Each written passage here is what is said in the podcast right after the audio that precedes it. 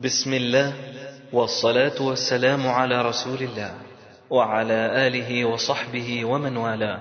أما بعد فيسر إخوانكم في تسجيلات السلف الصالح للإنتاج الإعلامي والتوزيع بالإسكندرية.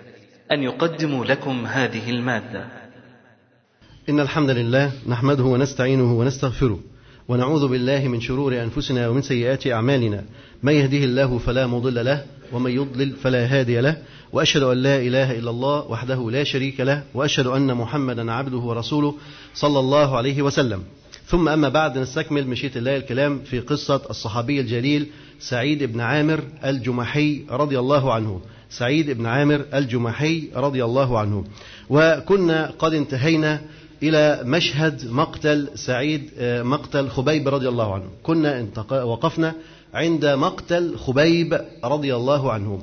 وكيف كان لهذا المشهد أثر في التزام وبداية حياة سعيد بن عامر الجماحي؟ هذا لم نراه ولم ندرسه لكن لهذا الموقف موقف قتله موقف صلبه موقف صلاته موقف كلماته كل هذه كانت لها أثرها في بناء شخصية رجل جديد في تكوين رجل بأمة. هو سعيد بن عامر الجمحي رضي الله عنه. خبيب رضي الله عنه كان واحد من عشرة. كان أرسلهم النبي صلى الله عليه وسلم في سرية. ثم غرر بهم المشركين وقبضوا عليهم. قتلوا بعضهم وبقي ثلاثة. فقتلوا واحدا منهم غدرا ثم بقي خبيب رضي الله عنه وزيد ابن الدهنة رضي الله عنه. ففي هذا اليوم يوم مقتل خبيب رضي الله عنه قتلوا قبله كذلك زيد رضي الله عنه. قتلوه. وعرضوا عليه نفس العروض.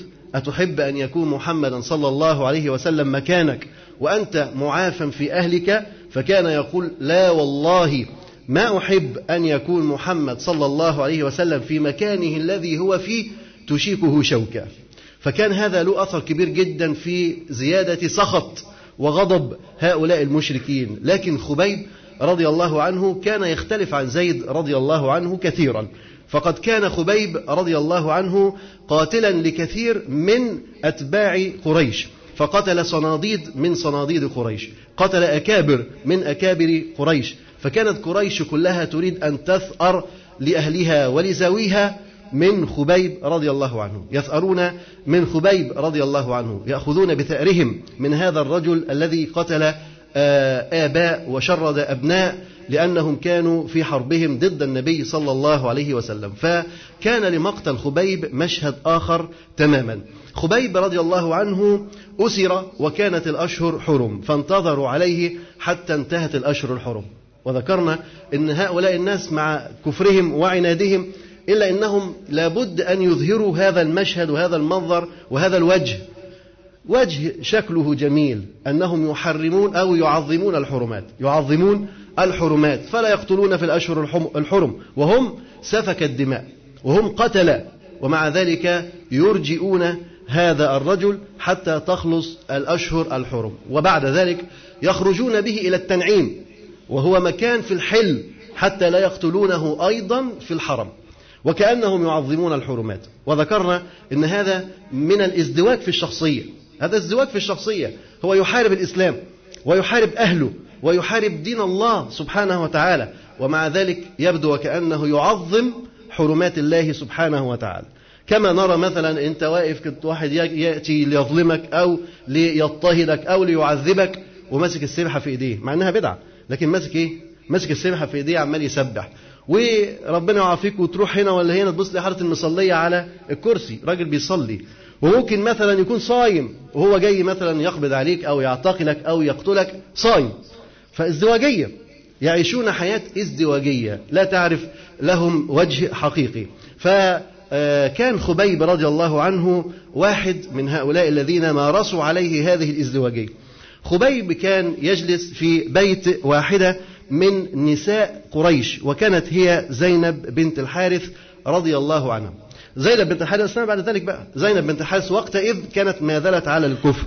فزينب بنت الحارث تقول والله ما رأيت أسيرا خيرا من خبيب. هذه المرأة تشهد تقول والله ما رأيت أسيرا خيرا من خبيب. لقد وجدته يأكل قطفا من عنب مثل رأس الرجل. رأيت خبيب يأكل قطف من عنب عنقود عنب. عنقود العنب ده قد إيه؟ مثل رأس الرجل. تخيل عن عنقود عنب مثل رأس الرجل حجمه ضخم. يقول وإنه لموثق بالحديد. يعني مربوط بسلاسل ومقيد بالقيود وما بمكة من ثمر عنب. ليس هناك ثمر عنب وقتئذ ومع ذلك خبيب تجد في يده عنقود من عنب وهو مقيد بالحديد وما كان إلا رزقا رزقه الله سبحانه وتعالى. مش ممكن يكونوا جابوا له في السجن بتاعه عنقود عنب. مش ممكن ده راجل مقيد بالحديد وليس في مكة عنب حتى يأتون له به لكنها كانت ترى في يده عنقود من العنب مثل رأس الرجل. أيضا آه، خبيب رضي الله عنه بطل في كل مكان وشهم وذو مروءة فهو لا يتجاوز حدود الإسلام. خبيب رضي الله عنه حدثت له حادثة وهو في الأسر أيضا. كان مما أوصى به حارسه أنه إذا أرادوا قتله أن يخبروه. خبيب رضي الله عنه تكلم بينه وبين حارثه أنهم إذا أرادوا قتله وعزموا على قتله أن يخبروا يعني هذا الحارس يعرفه أن موعد القتل قد أوشك واقترب. وفعلا قبل موته أخبره أن موعد القتل قد اقترب. فطلب خبيب رضي الله عنه من زينب أيضا موس ليستحد به ليستحد به حتى يحلق شعر العانة ويحافظ على هذه السنة وعلى هذه الفطرة حتى في لحظات موته الأخيرة. في لحظات صعبة وعسيرة ومع ذلك يحافظ على إتيان هذه السنن وعلى هذه الفطرة التي فطر الله عز وجل عليها العباد. فأعطته الموس ليفعل ما يريد. فسهت عنه وغابت عنه. فإذا بولد لها يدخل على خبيب رضي الله عنه وفي يده الموس. تخيل بقى كده إنك أنت مأسور عند ناس وابنهم جه في حجرك والموس في إيديك وهم هيقتلوك ماذا تفعل؟ طبعا أنت هتقول يا روح ما بعدك روح. أنا هيقتلوني هيقتلوني. أخلص على واحد كمان من ضمن اللي أنا خلصت عليهم تبقى العملية مش, مش, مش مشكلة يعني. خلص على ده كمان. كان من اليسير أن يقتلوا. فدخلت المرأة فرأت ولدها في يد خبيب أو على رجله ففزعت. فقال لها تخافين أن أقتله؟ والله ما كنت لأفعل ذلك إن شاء الله. وترك الغلام. هي كانت فاكرة انه هيقتله لكن النبي عليه الصلاة والسلام نهى عن قتل الصبيان وعن قتل النساء ما لم يكن محاربات. فهذا يلتزم بمبادئ الإسلام حتى وهو أسير مكبل في هذا السجن وفي هذا القيد. فخبيب رضي الله عنه كان رجل حتى في هذه المواقف الشديدة العصيبة لم يتخلى عن إسلامه ولم يتخلى عن مروءته رضي الله عنه وحينما أخذوه ليقتلوه كما ذكرنا دعا عليهم بهذا الدعاء قال اللهم احصهم عددا واقتلهم بددا ولا تغادر منهم أحدا. وأنشد يقول ولست أبالي حين أقتل مسلما على أي جنب كان في الله مصرعي وذلك وذلك في ذات الإله وإن يشأ يبارك على أوصال شلو ممزع فكانت هذه الكلمات كلمات قوية في شأن خبيب رضي الله عنه. طبعا أرادوا قتله وبدأوا بتقطيع جسده إربا إرب. جزء جزء يقطعون من جسده ويلقون هذا الجزء على الأرض يتدحرج أمام عينيه والدم يسيل. ويقولون له أتحب أن يكون محمد صلى الله عليه وسلم مكانك وأنت في أهلك وولدك معافى فكان يقول لا والله ما أحب أن أكون في أهلي ومالي ومحمد صلى الله عليه وسلم يؤخذ بشوكة. فكان الصراخ والصياح وارتفاع الصوت اقتلوه اقتلوه. هذا رجل يتكلم كلمات حق يعلن حبه وانتماؤه وولاؤه لهذا الدين بهذه القوة بهذه الشجاعة أمام هذه الجموع. اقتلوه. تتعالى الأصوات يريدون أن ينتهوا منه أن يقتلوا هذا الشجاع أن يقتلوا هذا الجريء. اقتلوه اقتلوه. ويبدأ فعلا عملية القتل ما بين سهام وما بين رماح. ثم لفظ أنفاسه الأخيرة. لفظ أنفاسه الأخيرة.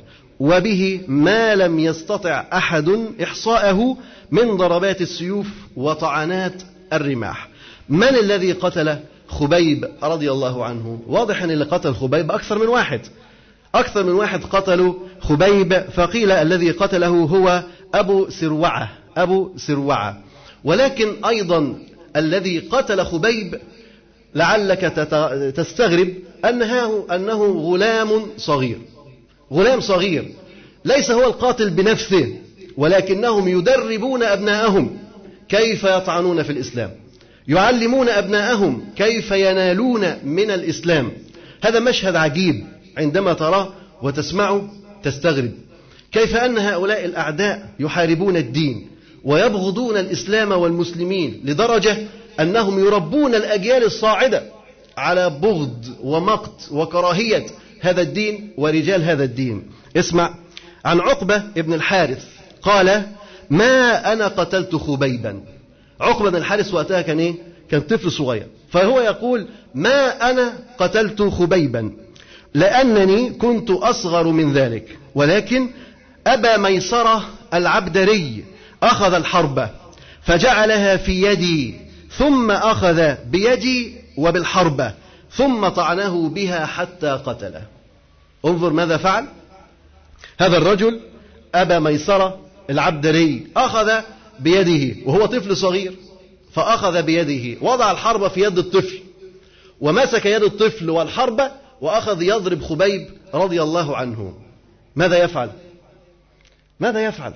أنت حينما تريد أن تدرب أبنائك عن الصدقة فتضع في يد ابنك الصدقة وتذهب به إلى الصندوق تضع أنت وهو الجنيه معا داخل هذا الصندوق فأنت تدربه وتربيه. وتعوده على الإنفاق في سبيل الله.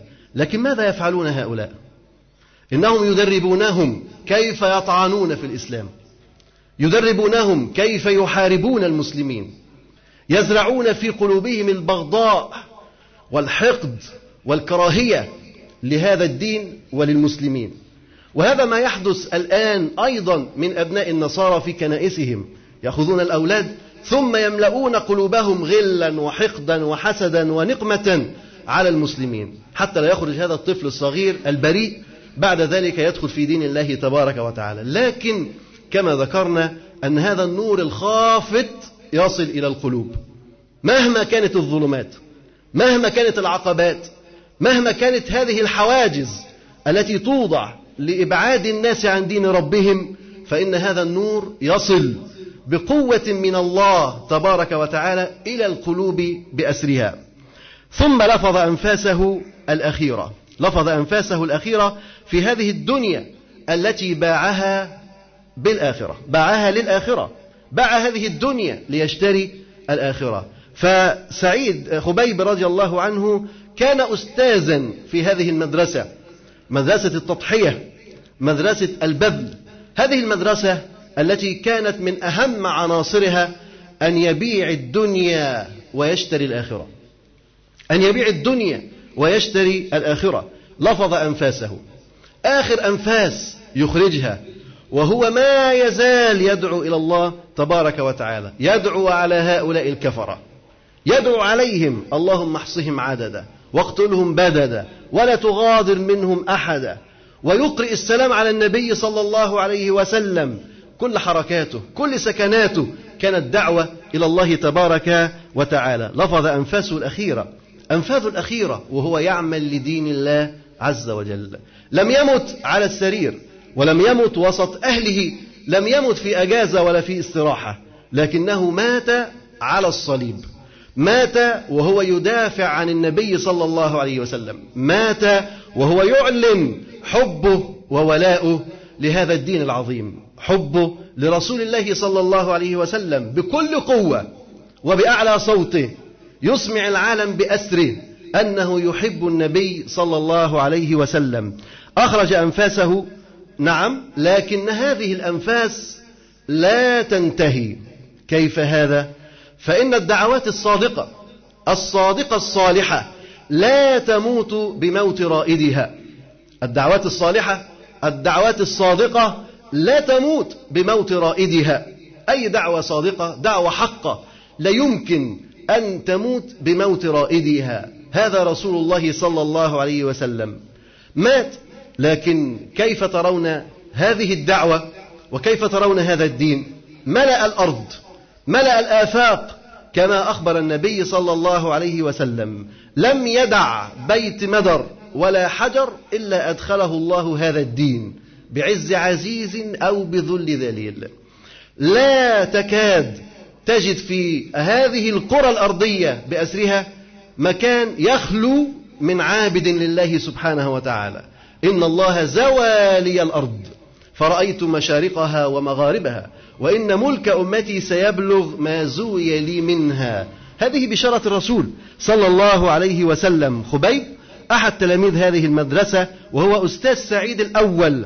لقد رأى سعيد بنفسه هذا النموذج الفريد. سعيد رضي الله عنه رأى هذا النموذج الفريد. رأى ماذا؟ رأى خبيب وهو يبيع الدنيا أمام العالم. خبيب رضي الله عنه كان يبيع الدنيا أمام العالم. آلاف مؤلفة تحشد تقف تتجمع تتجمهر لترى سعيد بن عامر لترى خبيب رضي الله عنه وهو يقتل وهو يتنازل عن مبادئه لكنه لا يفعل. بل يقول والله ما أحب أن أكون في أهلي ومالي ومحمد صلى الله عليه وسلم يوخز بشوكة. تتعالى الأصوات اقتلوا هزيمة. هزموا أمام هذا البطل المقيد المكبل هذا البطل الجريء. هزموا أمامه أمام كلماته أمام صموده أمام عقيدته أمام تضحيته. خبيب رضي الله عنه كان فعلا يبيع الدنيا بأسرها أمام هذا العالم كله. ولذلك رأى سعيد هذا النموذج الفريد المتميز الواقعي أمام عينيه. هو لا يدرس في مدرسة النظرية لكن سعيد تعلم من خبيب موقف عملي.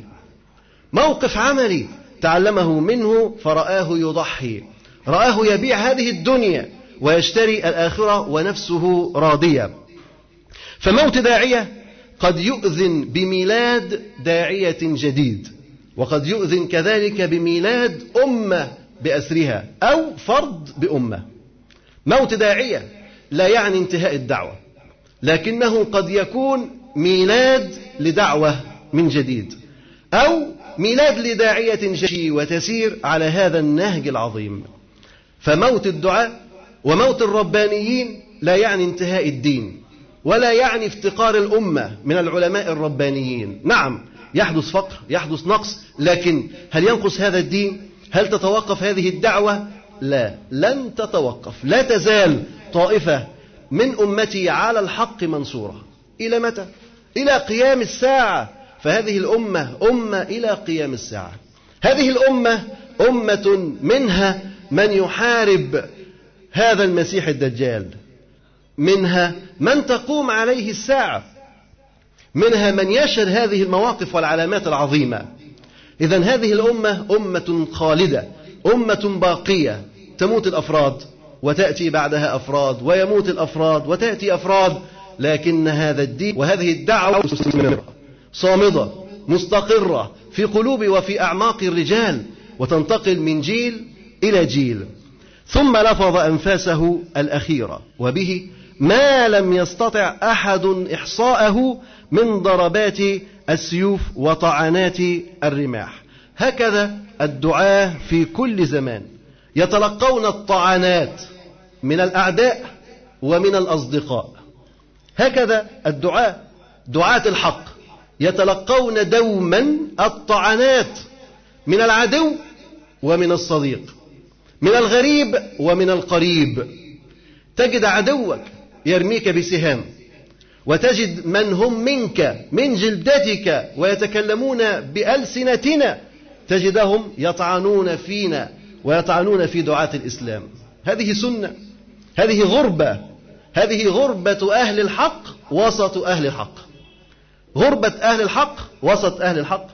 لأنها غربة غربة أهل الحق وسط أهل الباطل. هذه غربة. لكن غربة أخرى هي تلك التي نتكلم عنها. غربة أهل الحق وسط أهل الحق. فهم غرباء. غربة داخل غربة. تجد منا من يطعن فينا. منا من يتكلم عنا.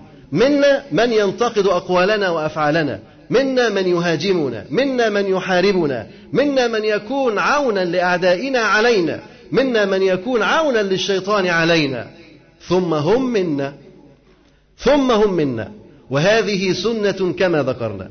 فخبيب رضي الله عنه تلقى طعنات كثيرة وهكذا الدعاء. يتلقون كذلك طعنات كثيرة. على مر العصور يتلقون تلك الطعنات لكن الدعوة الحقة تصمد أمام تلك الدعوات. وإن مات الرجال فإن لهذه الدعوة رجال. تستمر بهم هذه الدعوة. لا تنهار. إذا مات رجل فإن هذا ينذر بميلاد رجل بأمة. يقود الأمة أو تتحرك القلوب وتكون قومة عظيمة لأمة بأسرها. الناس تقوم من نومتها وغفوتها وكبوتها ليتحركوا ويسيروا في هذا الدين العظيم فالصبر الصبر. الصبر الصبر على دعاة الحق أن يصبروا على هذا البلاء الذي يجدونه أمامهم. ثم لفظ أنفاسه الأخيرة وبه ما لم يستطع أحد إحصاءه من ضربات السيوف وطعنات الرماح. تجد الحقد تجد كراهية الشديدة طعنات سيوف ضربات رماح ليست ضربة واحدة. الرجل تكفيه ضربة واحدة. ضربة واحدة بالسيف أو بالرمح ليموت. ولكن ما هذا؟ ما الذي يحدث تمثيل بجسد هذا الرجل وهو حي؟ ليس تمثيل بجسده وهو ميت لا. يمثلون بجسده وهو حي. يقطعون منه القطعة تلو القطعة حتى يتألم. هذا الجسد يتألم. وهذه الدعوة أيضا تتألم عندما تصاب في أجزائها. لكن يكتب لها الله عز وجل البقاء. يكتب لها الاستمرار لأن الدعوات الحقة تستمر رغم أنوف الكارهين والحاقدين والمبغضين لهذه الدعوات الحقة. مات وفي جسده ما لا يمكن حصره من طعنات وضربات السيوف والرماح. أين نحن من هذا البذل بذل خبيب رضي الله عنه. أين نحن من هذه التضحية التي كان يقوم بها خبيب رضي الله عنه؟ خبيب أستاذ في فن التضحية. خبيب أستاذ جيل في فن التضحية. علم الأجيال بعده كيف يضحون كيف يصمدون كيف يثبتون على الحق وإن ماتوا. وإن قتلوا رغم أنه كان بإمكانه أن يتنازل عن القضية شيئا ما. كان ممكن أن هو يقول بعض الكلمات ترضي هؤلاء الكفار وكانوا أنزلوه من الصليب وكانوا تركوه حرا طليقا لكنه يصمد ويحب أن يموت فداء لرسول الله صلى الله عليه وسلم. كما كانوا يقولون فداك أبي وأنه ضرب أروع الأمثلة في التضحية والبذل. والفداء كيف لا؟ وهو أستاذ جيل في فن التضحية وفن العطاء وفن البذل في سبيل الله تبارك وتعالى. إن موقف خبيب يمثل القدوة. لا يمكن مهما كلمتك عن بيع الدنيا أن تصدقني بسهولة. لا يمكن. أقول لك بيع الدنيا بيع الدنيا. أنت تقول لما تبيع أنت الأول أقول لك لما تبيع أنت الأول. لا يمكن أن تصدق بسهولة أن قضية بيع الدنيا قضية جوهرية. لكن خبيب لم يتكلم. خبيب نفذ. باع الدنيا كما ذكرنا أمام العالم. فكان قدوة ومثلا حيا لكل من يراه. خبيب لم يقصد أن يراه فلان أو فلان. لكنه كان يعيش بمبادئ الإسلام. كان يعيش بتعاليم هذا الدين. كان يعيش كما رباه النبي صلى الله عليه وسلم. إن خبيب ليس واحدا فقط في هذا الطريق لكن خبيب رجل على الطريق. فأصحاب النبي صلى الله عليه وسلم ضحوا وبذلوا وقتلوا في سبيل وصول هذا الدين إلينا. فماذا فعلنا نحن لتبليغ هذه الرسالة إلى الأجيال التي بعدنا؟ ماذا فعلنا؟ ماذا بذلنا؟ ما هي التضحيات التي نقوم بها؟ ما هي؟ أنت ربما تضحي بوقت درس أو بوقت مجلس علم أو بوقت قرآن لتذهب لتنام أو لتنظر لتشاهد مباراة كرة قدم وتضحي. هذه هي التضحية التي يمارسها الجيل جيل القرن العشرين. هذه هي التضحية. يضحون بمجالس العلم حتى ينظرون إلى هذه المباريات ثم يقولون هذه رياضة. يقولون هذه رياضة ويضحون بالعلم ويضحون بالقرآن ويضحون بأوقاتهم وأعمارهم. هذه تضحية وخبيب يضحي. أين نحن من تضحية خبيب رضي الله عنه؟ إن هذه القدوة تركت أثرا عميقا في سعيد بن عامر الجمحي رضي الله عنها. فالقدوة لها أعمق الأثر في التوجيه والتأثير. قريش بعد ما انتهت من هذا الموقف غدت إلى بيوتها وذهبت إلى أماكنها وعادت وقد نسيت في زحمة الأحداث الجسام خبيبا ومصرعه. قريش بعد ما قتلت خبيب تخيل بقى أنت كانت ضجة وثورة وأصوات عالية وصراخ وعويل واقتلوه اقتلوه كل هذا وبعد هذا صمت. صمت. قتل خبيب. تركوه على الصليب وانصرفوا. آلاف بعد ما كانوا يضجون ويتكلمون ويرفعون أصواتهم آلاف تغادر هذا المكان ثم تنصرف وتنسى كل شيء. كل شيء ينسى بسهولة. ما أيسر أن ينسى أعداء الإسلام كل ما يضرون الإسلام والمسلمين به. ما أيسر أن ينسى أعداؤنا ما يظلمون به في زحمة الدنيا. هكذا دوما أعداء الإسلام يقتلون المسلمين يعذبون المسلمين ثم ينسون أنهم قتلونا وأنهم آذونا ثم يأتون ليعقدوا المعاهدات والمؤتمرات واللقاءات الثقافية واللقاءات العلمية والتطبيع. وينسوا أنهم قتل قتلوا آباءنا وقتلوا إخواننا وقتلوا نساءنا وشردوا أبناءنا. ينسون هذا كله في زحمة الدنيا. بل وينسى أحيانا بعض المسلمين أحيانا ينسون كذلك. هذه المواقف لأعدائهم. ينسون أن أعدائهم هم الذين قتلوا. من الذي عذب المسلمين في الصرب؟ من الذي عذب المسلمين في البوسنة؟ أليسوا هؤلاء الصرب الكفرة؟ حملة الصليب؟ أليسوا هؤلاء؟ من الذي يقتل المسلمين في بلاد العراق؟ من؟ أليسوا هؤلاء حملة الصليب الكفرة؟ من؟ من الذي يحارب المسلمين في أفغانستان؟ أليسوا هؤلاء حملة الصليب الكفرة؟ من؟ ثم ننسى هذا كله. ويكون التطبيع والعلاقات والزيارات والترحيب واللقاءات والمقابلات. ننسى في زحام هذه الدنيا كل هذه الأحداث. هذه عادة أهل الشرك وعادة أهل الكفر وعادة أهل الباطل أنهم ينسون جرائمهم وسط الزحام. وسط الزحام ينسون جرائمهم. لكن هل يصح لنا نحن أن ننسى تلك الجرائم؟ هل يحق لنا أن ننسى تاريخهم الأسود؟ هل يصح لنا أن ننسى ما فعلوه بنا وبإخواننا وبزوينا وبأهالينا في كل مكان؟ هل يحق لنا أن ننسى هذا؟ أهي صفحات تطوى بسهولة بيسر ننسى كل الماضي. أيحق لنا هذا؟ قطعا لا يحق. لا يجوز لنا أن ننسى هذا كله. لا يجوز لنا. لكن في زحمة هذه الأحداث أحداث متلاحقة. كل يوم أحداث كل لحظة أحداث كل ساعة أحداث. من كثرة الأحداث ومن كثرة المآسي تنسي هذه المآسي بعضها بعضا. تسمع مثلا الصبح ما أعرفش يتقتل كام واحد الظهر بقوا كام واحد العشاء بقوا كام واحد تاني يوم مش عارف إيه انفجر هنا رابع يوم مش عارف إيه اتدمر هنا خامس يوم مش عارف إيه ولع هنا.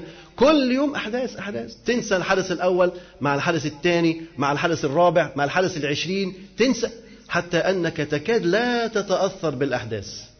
من كثرة الأحداث. وكأنك أصابتك بلادة لا تتأثر بالأحداث. تسمع الخبر. مثلا يقول لك إن غارة على فلسطين ولا وقتل عشرات وقتل أطفال. تقول إن الله وإنا راجعون. وتبقى يا دوبك كلمة وعدت. أين تأثرك؟ ما أنا عارف إن أنت مش قادر تعمل حاجة. لكن أين تأثرك؟ أين حزنك؟ أين بكائك على هؤلاء؟ أين يعني ألمك على هؤلاء؟ قطعه من جسدك تتألم. لماذا لا نتألم لألمها؟ لماذا لا نأسى لأساها ونحزن لحزنها؟ لابد أن تكون هناك مشاركة وجدانية أقوى وأفعل من ذلك بيننا وبين إخواننا في كل مكان. أعداء الإسلام دائما ينسون جرائمهم في زحمة الأحداث. ينسون. لكن خبيب رضي الله عنه بكلماته هذه وبمواقفه هذه كان سببا في إحياء الإيمان وميلاد الإيمان في قلب جديد. في قلب سعيد بن عامر الجمحي رضي الله عنه. نعم عادت الآلاف بعد ما شاهدت مقتل خبيب وكلها لا تفكر كلها تنسى لكن سعيد بن عامر الجمحي عاد ولم ينسى. عاد ولم ينسى هو وحده عاد ولم ينسى. تخيل إن هذه المواقف كلها تؤثر في واحد؟ آلاف كانت تحتشد لكن الثمرة كانت كم واحد؟ واحد. واحد فقط. هذا الواحد لك أن تتخيل كيف شأنه. مات النبي صلى الله عليه وسلم وهو عنه راض. أظن كفاية ما نكملش. أليس كذلك؟ مات عنه النبي صلى الله عليه وسلم وهو عنه راض. شارك مع النبي صلى الله عليه وسلم من غزوة خيبر إلى كل الغزوات التي غزاها بعد ذلك رضي الله عنه. كان سيفا مسلولا على أعداء الإسلام. كان سيفا في يد الصديق وعمر بن الخطاب رضي الله عنهما ساعدهما ناصرهما نصحهما آذرهما كان ناصحا لهم مؤيدا لهم. دائما كان مؤيدا لهما ناصحا لهما رضي الله عنه.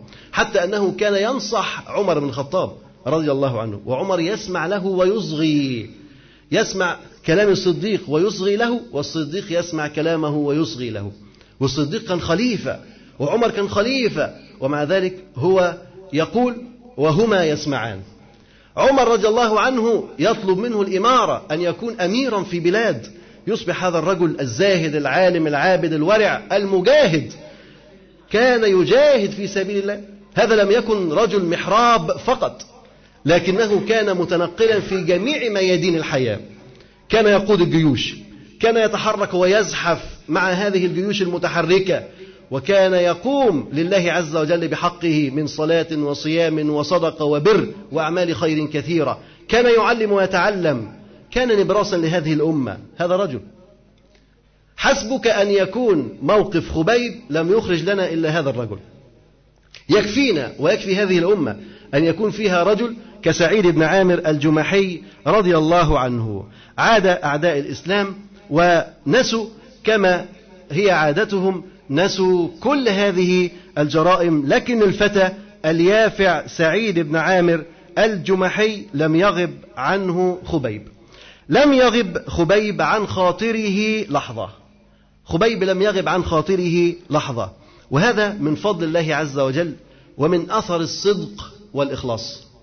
لأن خبيب لم يكن يتعمد أن يوصل هذه الرسالة إلى سعيد بن عامر. ولكنه كان يمارس دينه كان يعيش بأسلامه كان صادقا كان مخلصا. والكلمات المخلصة والمواقف المخلصة لها أثر باق في حياة الأمم.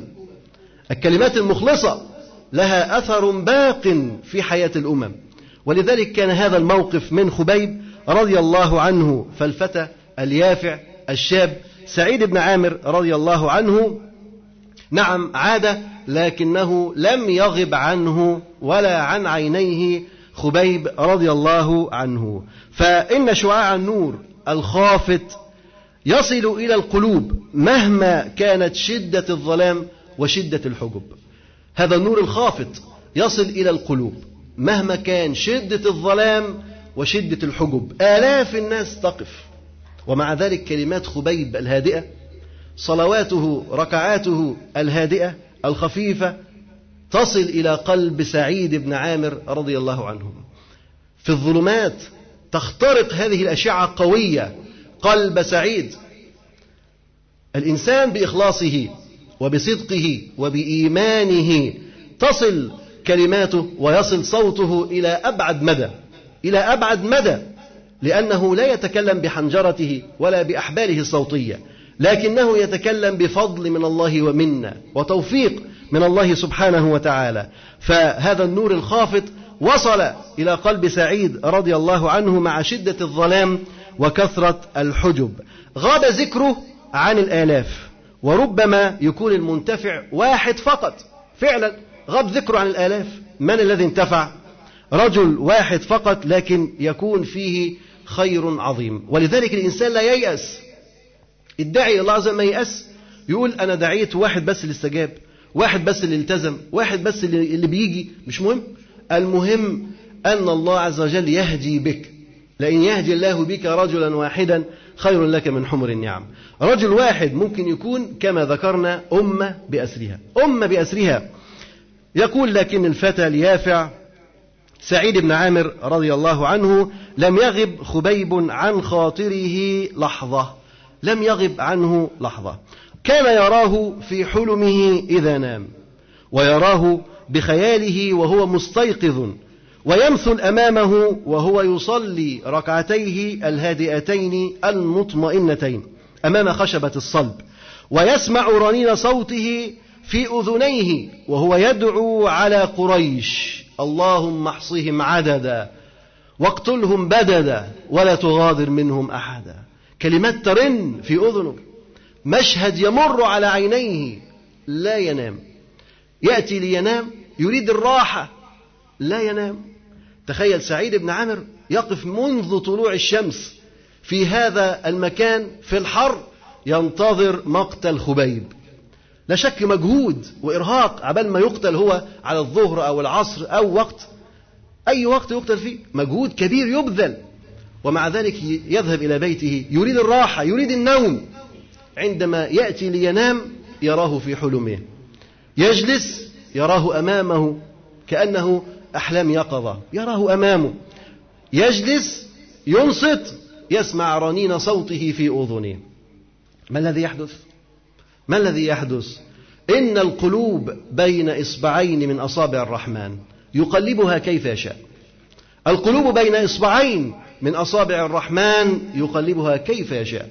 هذا النور دخل قلب سعيد بن عامر رضي الله عنه فقلبه وحوله وغيره حتى صار ما يستطيع النوم ما يقدر أن يجلس وينام أو يسمع أي صوت غير صوت خبيب.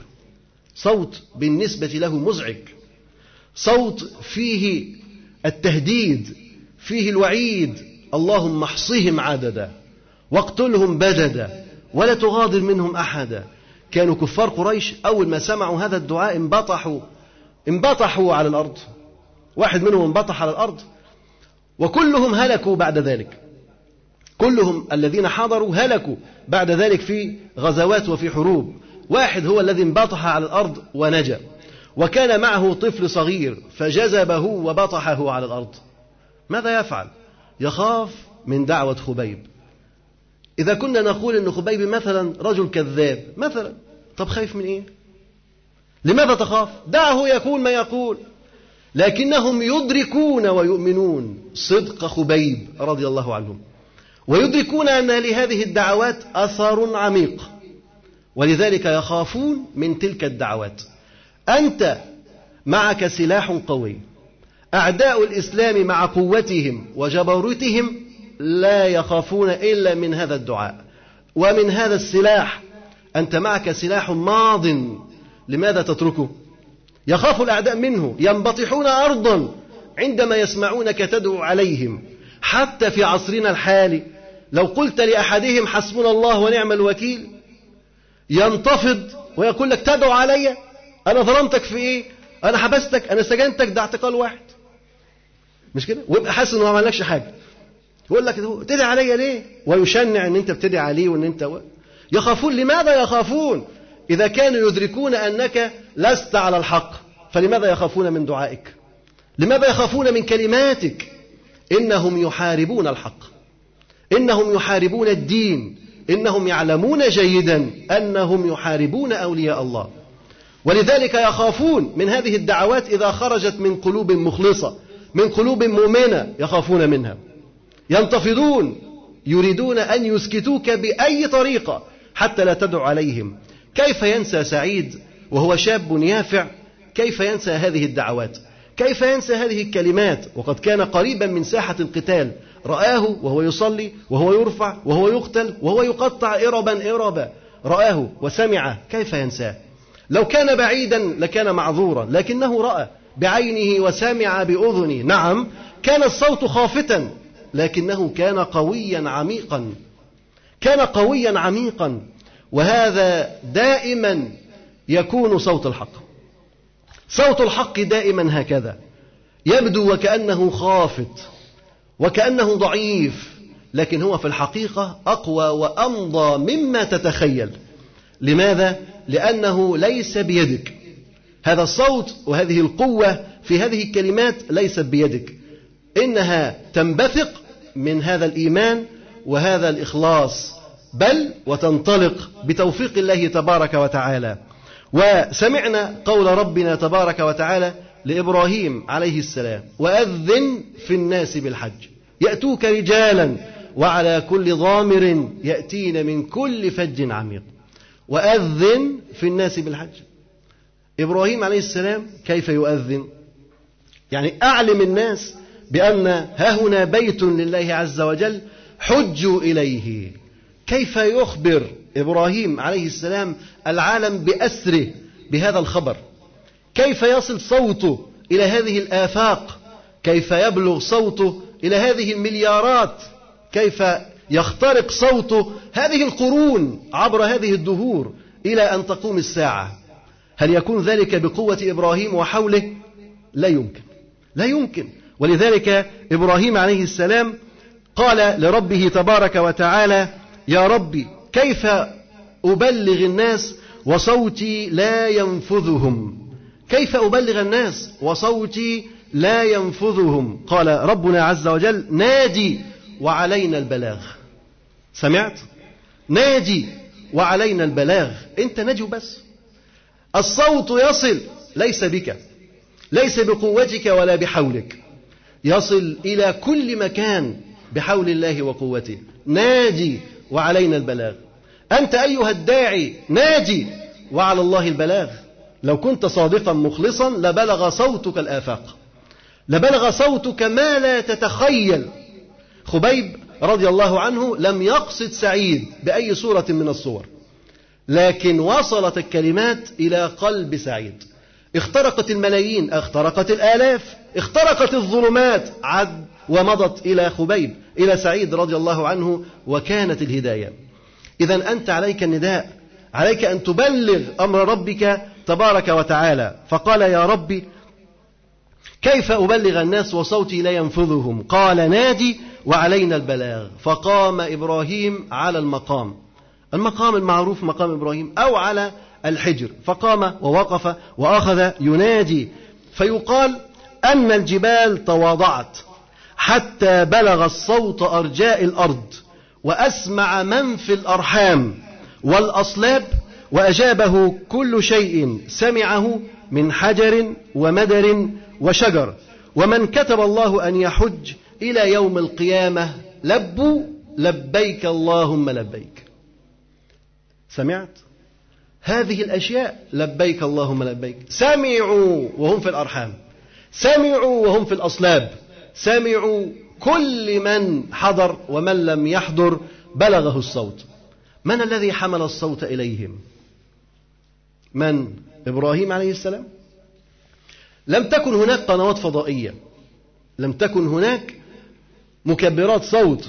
لم يكن هناك أي وسائل لنقل هذه الكلمات. اليوم أنت تجلس أمام جهاز الكمبيوتر وتهمس يسمعك الرجل في أمريكا وفي أوروبا وفي أقاصي البلاد. تهمس فقط. تضع في أذنك ما يسمعك وتتكلم يسمعك الناس. كيف انتقل الصوت؟ انتقل الصوت. كيف انتقل؟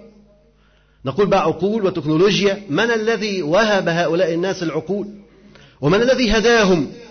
ثم من الذي حمل الصوت؟ عبر هذه الأجواء إلى هذه الأماكن البعيدة. إذا الله عز وجل قادر أن يبلغ هذا الصوت صوت إبراهيم إلى الأرحام وإلى هذه النسمات وإلى الأحجار وإلى كل مكان. بل وسمعوا ولبوا لبيك اللهم لبيك إجابة لك من بعد إجابة. إذا عليك أنت أن تؤذن عليك أن تقول قول الحق. عليك أن تدعو إلى الله سبحانه وتعالى ولا تنتظر النتائج ولا تعتمد على حولك وقوتك وإمكانياتك لا لا تتكلم عن هذا.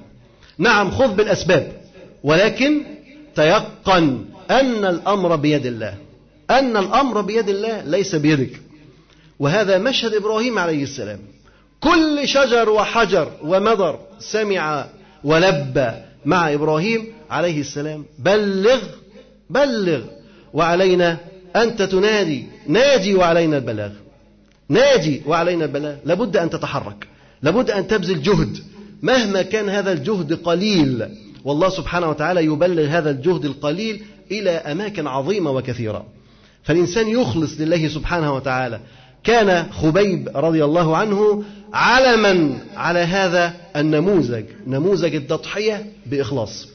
ولهذا ترك أثرا عميقا في سعيد بن عامر رضي الله عنه.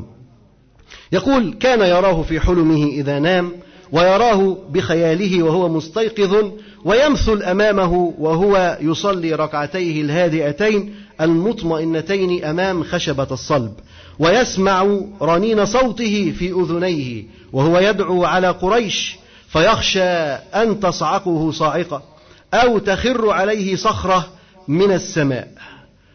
كان يخشى أن يصيبه أذى أن يضره مكروه.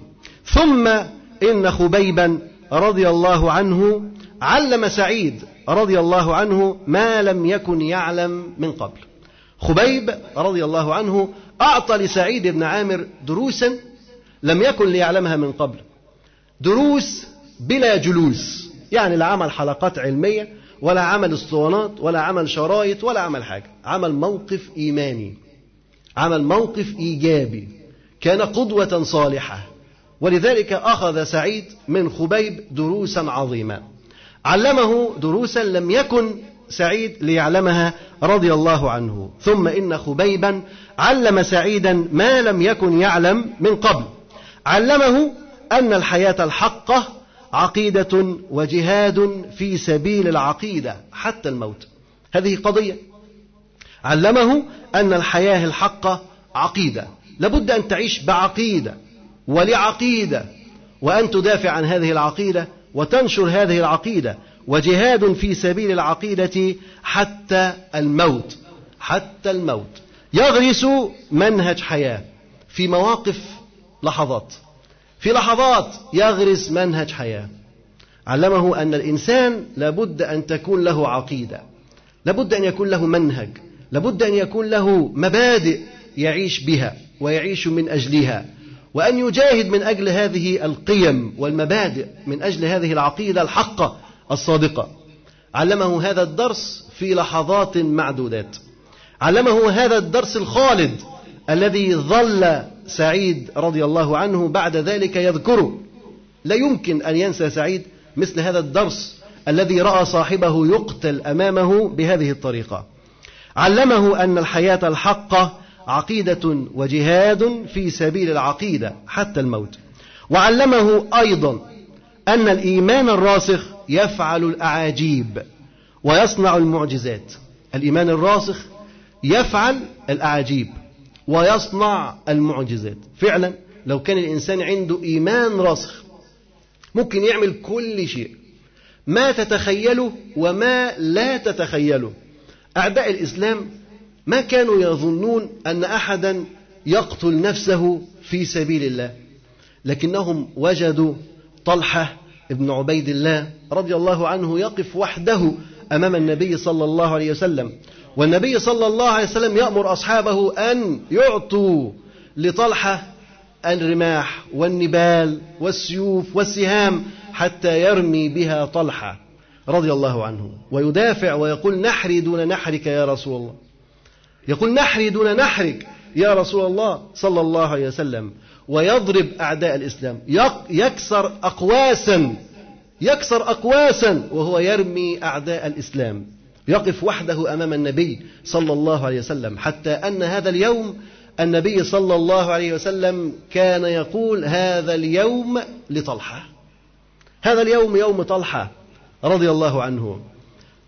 كانوا يبذلون كانوا يضحون. هذا أنس بن النضر رضي الله عنه يقاتل قتالا شديدا.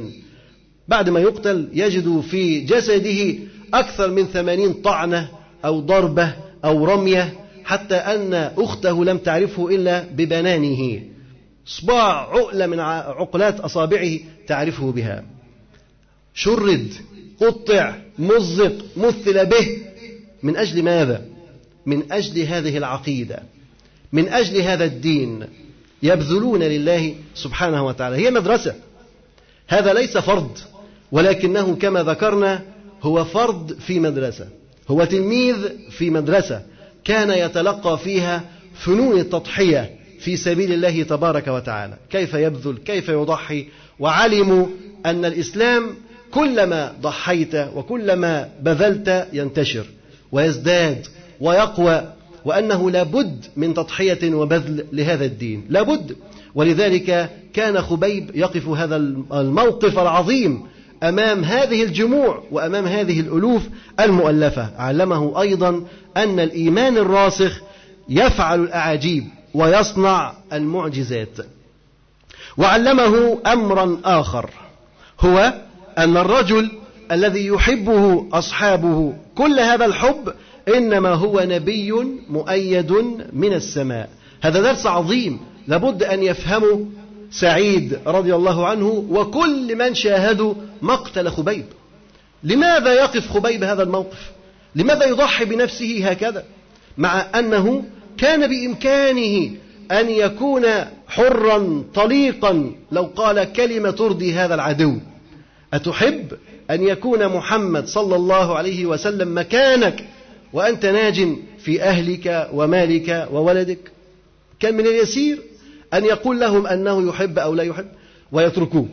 لكنه لا يقول هذه الكلمة. حب صادق للنبي صلى الله عليه وسلم. حمله على أن يضحي بنفسه.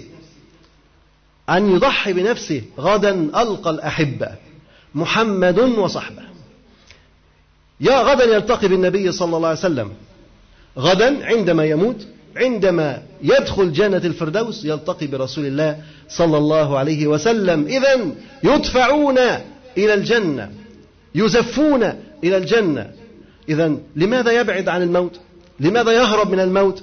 فكانوا يضحون بأنفسهم في سبيل هذا الدين بل وللنبي صلى الله عليه وسلم كان بذلهم وكان أيضا عطاؤهم علم خبيب أن الرجل الذي يحبه أصحابه كل هذا الحب إنما هو نبي مؤيد من السماء.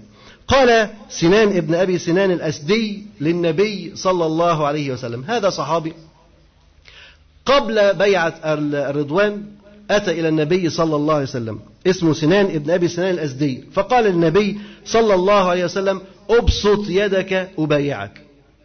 هذا يبايع النبي صلى الله عليه وسلم قال له أبسط يدك أبايعك. فقال له النبي صلى الله عليه وسلم على ما تبايعني؟ على ما تبايعني؟ قال على ما في نفسك. سمعت؟ قال على ما تبايعني؟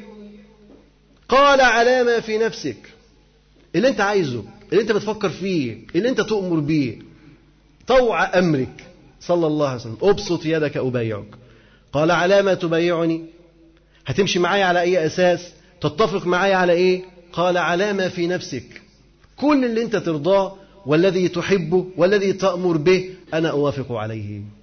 انظر إلى هذا المثال من الحب هذا النموذج الفريد الذي يثق برسول الله صلى الله عليه وسلم هذه الثقة والذي يحب النبي صلى الله عليه وسلم هذا الحب. قال على ما في نفسك. كل ما تفكر فيه كل ما تطلبه كل ما ترغب فيه أبايعك عليه. معك أساندك أساعدك أسير خلفك ألزم غرزك. حب لم نرى مثله. من أصحاب النبي صلى الله عليه وسلم. لا شك أن هناك دروس كثيرة تعلمها سعيد بن عامر أيضا من خبيب رضي الله عنه. يقول عند ذلك شرح الله صدر سعيد بن عامر إلى الإسلام. طبعا إمتى؟ لما لم يستطع أن ينام. إذا أراد النوم يرى سعيد بن عامر. إذا جلس يرى سعيد بن عامر. إذا أنصت يسمع صوت هذه الدعوات. ماذا يفعل؟ كيف ينام؟ كيف يعيش؟ قذف الله في قلبه هذا الإيمان. حينئذ أسلم سعيد بن عامر رضي الله عنه. يقول عند ذلك شرح الله صدر سعيد بن عامر إلى الإسلام. فقام في ملأ. مش في السر بقى. قام في ملأ. من الناس وأعلن براءته من آثام قريش وأوزارها وخلعه لأصنامها وأوثانها ودخوله في دين الله عز وجل. هنا ندم على ما كان منه ندم على كفره ندم على هذه السنوات التي عاشها في الكفر والضياع والبعد عن هذا الدين. فندم والندم والندم يورث طاعة يجد الإنسان مذاقها وحلاوتها فالإنسان إذا كان مذنب عاص لله عز وجل ثم ندم على معاصيه فإن الله سبحانه وتعالى يبدله طاعة يجد حلاوتها في قلبه. هنا نرى سعيد بن عامر رضي الله عنه لم يكلمه أحد. من الذي دعاه إلى الإسلام؟ من الذي أجرى معه الحوارات الطويلة؟ من الذي أقنعه؟ من الذي كلمه؟ من؟ لم يكلمه أحد. لم يكلمه أحد. لكنه رأى فقط خبيب رضي الله عنه. رأى فقط صلوات خبيب رضي الله عنه. رأى ثبات خبيب رضي الله عنه. رأى حب خبيب للنبي صلى الله عليه وسلم. كل هذه المعاني تؤثر في القلوب النقية. وهذا كان شاب صغير. ما زال قلبه طريا غضا لم يدخله الشرك ويتمكن منه. نعم فيه شرك لكن لم يتمكن تمكن الصناديد. فكان غضا طريا فعندما رأى هذه المشاهد وسمع هذه الكلمات تأثر بها تأثرا عظيما. وكان من رحمة ربه عز وجل به أن قذف في قلبه الإيمان فأسلم خبيب رضي الله عنه دون ما تدخل من بشر. ما أحد حدث خبيب ولا كلمه ولكنه دخل في دين الله لتعلم أن القلوب بيد الله سبحانه وتعالى وأن الله عز وجل لو أراد أن الناس كلهم يدخلون في الدين لدخلوا. بدون مجهود منك بدون دعوة منك يعني لو أنك جلست في بيتك لم تدعو إلى الله لأتى الناس وصلوا. لو أنك جلست في مكانك لم تأمر بالمعروف وتنهى عن المنكر لاستقام بعض الناس وأتوا إلى دين الله. بك أو بغيرك ينتشر هذا الدين. بك أو بغيرك ينتشر هذا الدين. إن يكن فيه خير فسيلحقه الله بنا. هذا كان شعار من شعارات النبي صلى الله عليه وسلم. من يتخلف؟ لا ينشغل به كثيرا. يسأل عنه أين فلان؟ ما الذي خلفه؟ ما الذي عطله ثم بعد ذلك لما ينشغل الصحابة به فلان فلان فلان حتى يصرفهم عن هذا يقول لهم هذا الشعار إن يكن فيه خير فسيلحقه الله بكم. لو كان فيه خير هيحصلكم. انظر لو كان فيه خير سوف يصل إليكم سوف يكون في وسطكم. أنت الذي تحتاج إلى الدين. أنت الذي تحتاج إلى البذل لهذا الدين. أنت تبذل فعلا أنت تبذل. لكن أنت الذي تحتاج إلى هذا الدين ولهذا البذل. لأن هذا الدين سينتصر بك وبغيرك. وإن تتولوا يستبدل قوما غيركم ثم لا يكونوا أمثالكم. هذا نموذج فريد يبين لك أن بدون مجهود من البشر يهدي الله القلوب. بدون كلمات من الإنسان يأتي الناس إلى دين الله. وهذا نموذج مشاهد نراه في حياتنا. كثير من الناس أنت ما كنت تتخيل أن يكونوا في المسجد تدخل مرة تصلي تلاقيه بيصلي قدامك دي بيصلي جنبك دي بتصلي وراك إيه اللي دخله الجامع ده؟ أنت زعلان ليه؟ أنت مش عايزه يدخل؟ أنت زعلان عشان ما جاش عن طريقك. هي حاجة تزعل فعلا بس أنت الغلطان.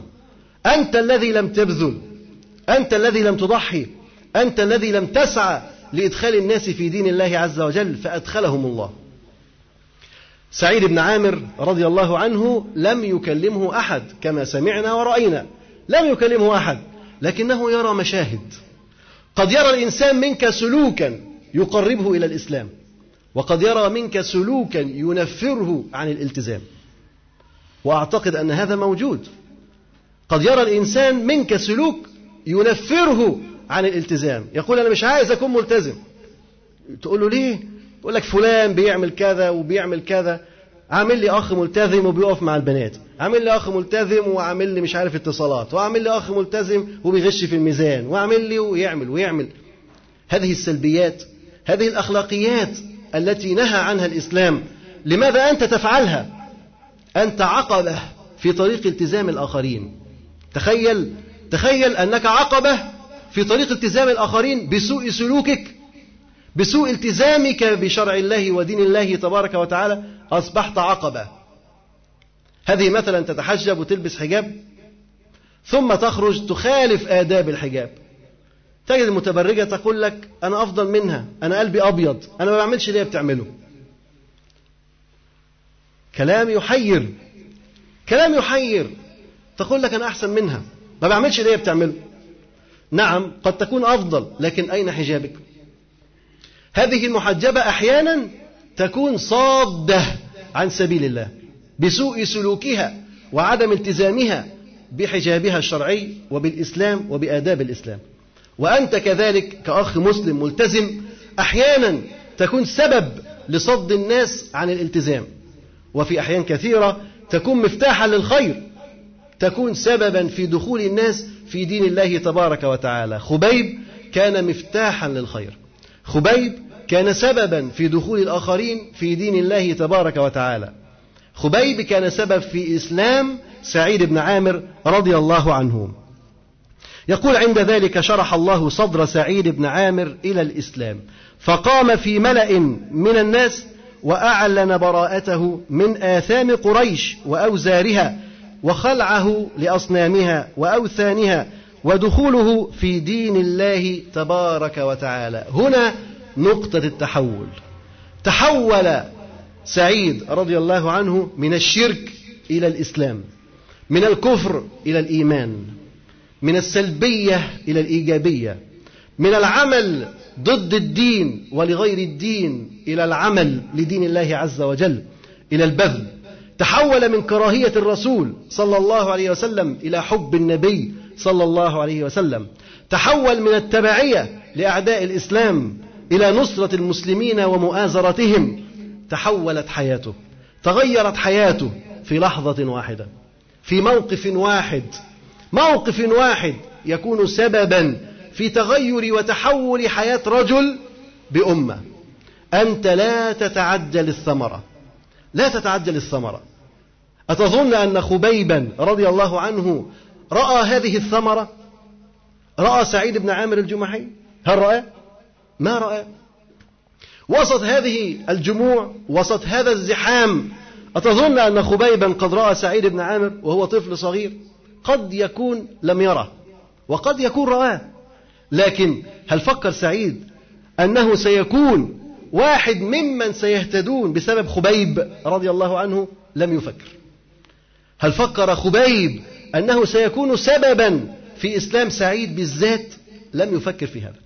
لكن كما ذكرنا خبيب كان يعيش بالإسلام وكان يموت على الإسلام لآخر لحظة من حياته وهو يعمل لهذا الدين. وهذا أمر عظيم ومهم. لابد أن نعمل لدين الله عز وجل حتى آخر نفس. لا توجد أجازات عرضة ولا أجازات اعتيادية ولا أجازات سنوية عند الدعاء. لا يوجد. لا في أعياد رسمية ولا غير رسمية. لا يوجد. الداعي إلى الله عز وجل يعيش حياته كلها لله عز وجل. صباح مساء يعيشها لله سبحانه وتعالى. من أول نفس لآخر نفس وهو يعمل لدين الله عز وجل. مهما كانت الصعاب مهما كانت الحواجز مهما كان الظلام فهو يعمل لدين الله حتى آخر نفس. مهما كان الضغط والطغيان والظلم فهو أيضا يعمل لآخر نفس. نعم قد تتغير وسائل العمل من مرحلة لمرحلة من يوم ليوم لكنه يعمل. شعاره أنه يعمل لا يتوقف لا يتوقف بل يعمل ليل نهار لدين الله تبارك وتعالى. سعيد بن عامر رضي الله عنه كان ثمرة من ثمرات خبيب لذلك لا تتعجل الثمرة فكل نبت له أوانه. لكل نبت له أوانه. أنت تنصح وتدعو. استعجلش على الثمرة. الثمرة سوف تظهر. متى؟ أنت لا تدري. أنت لا تدري. لها أوان سوف تنضج فيه. المهم أنك لا تكسل ولا تقصر في واجبك وفي دعوتك لدين الله تبارك وتعالى. الصدق والإخلاص في القول والعمل يؤثران في تغيير النفوس. من أعظم الأسباب في تغيير سعيد بن عامر إخلاص خبيب وصدق خبيب رضي الله عنه. فالصدق والإخلاص لهما أعظم الأثر في تغيير النفوس. أنت تكون مخلص صادق نفس الذي أمامك تتغير. ممكن يكون معاند مكابر جاحد لكن بصدقك وإخلاصك وإصرارك واستمرارك يلين ويتغير ويتحول ويدخل في دين الله تبارك وتعالى. لا تمل أنت صاحب دعوة صاحب رسالة صاحب منهج. كيف تمل كيف تجلس كيف تنام كيف تفطر؟ وأنت من أتباع النبي صلى الله عليه وسلم. الكلمات المخلصة تجد طريقها إلى القلوب مهما كانت الصعاب. وقال النبي صلى الله عليه وسلم وإن الرجل لا يتكلم بالكلمة من رضوان الله لا يلقي لها بالا يكتب الله له بها رضوانه إلى يوم القيامة. كلمة واحدة ممكن تقولها هي من رضوان الله.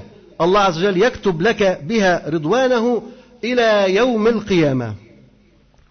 كما ذكرنا أن سعيد بن عامر رضي الله عنه دخل في هذا الدين وعندما دخل في هذا الدين أعلن من أول يوم براءته من الكفر براءته من الأصنام براءته من الجاهلية بأسرها وانتقل إلى الإسلام انتقل إلى شيء جديد إلى عقيدة جديدة. انتقل إلى هذا النبي الذي يحبه أصحابه ليكون واحدا من هؤلاء الذين يحبون النبي صلى الله عليه وسلم. هاجر سعيد بن عامر إلى المدينة.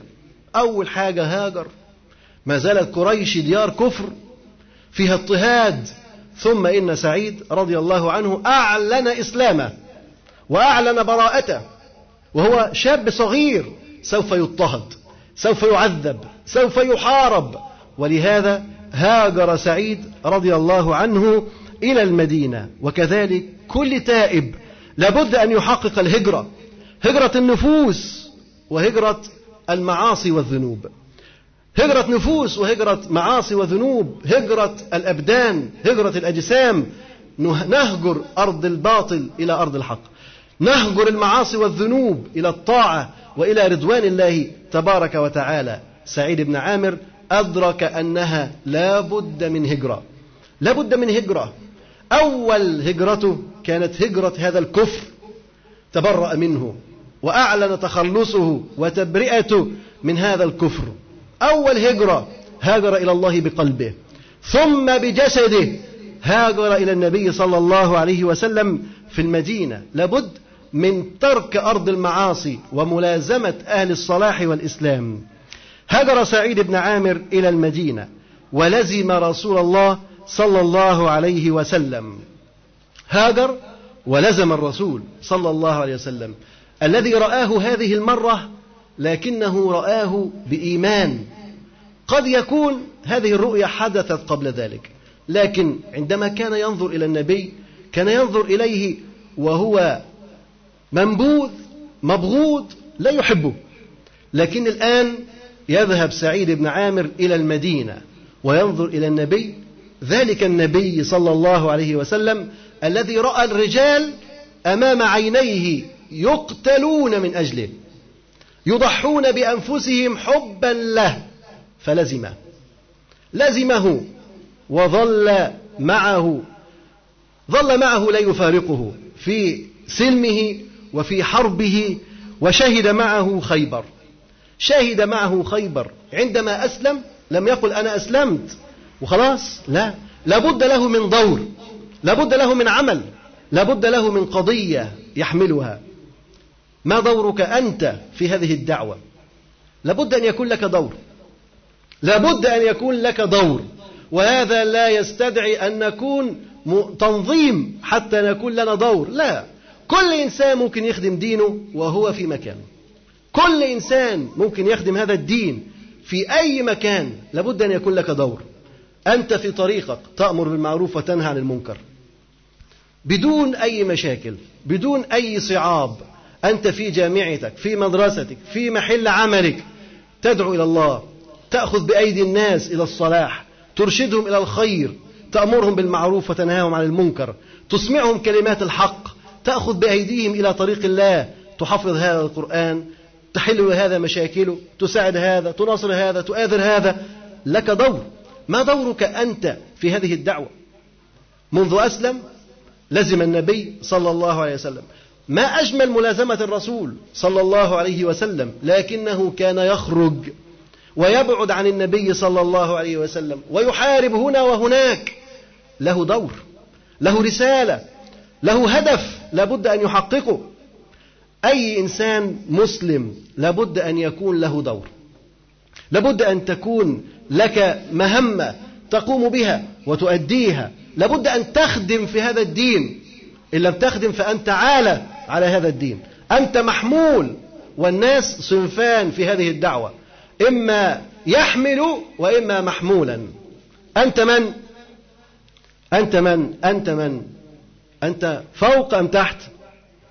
أنت تحمل أم أنت المحمول؟ أعتقد أن بنسبة 90% محمولين مش محاميل. 90% محمولين يعني أعباء. أعباء. من الذي يحمل؟ أفراد. أفراد تحمل أمة. ما أثقل هذا العبء؟ ما أثقل هذا العبء؟ أفراد يحملون شعب. يحملون جيل. لماذا لا يعمل هذا الجيل؟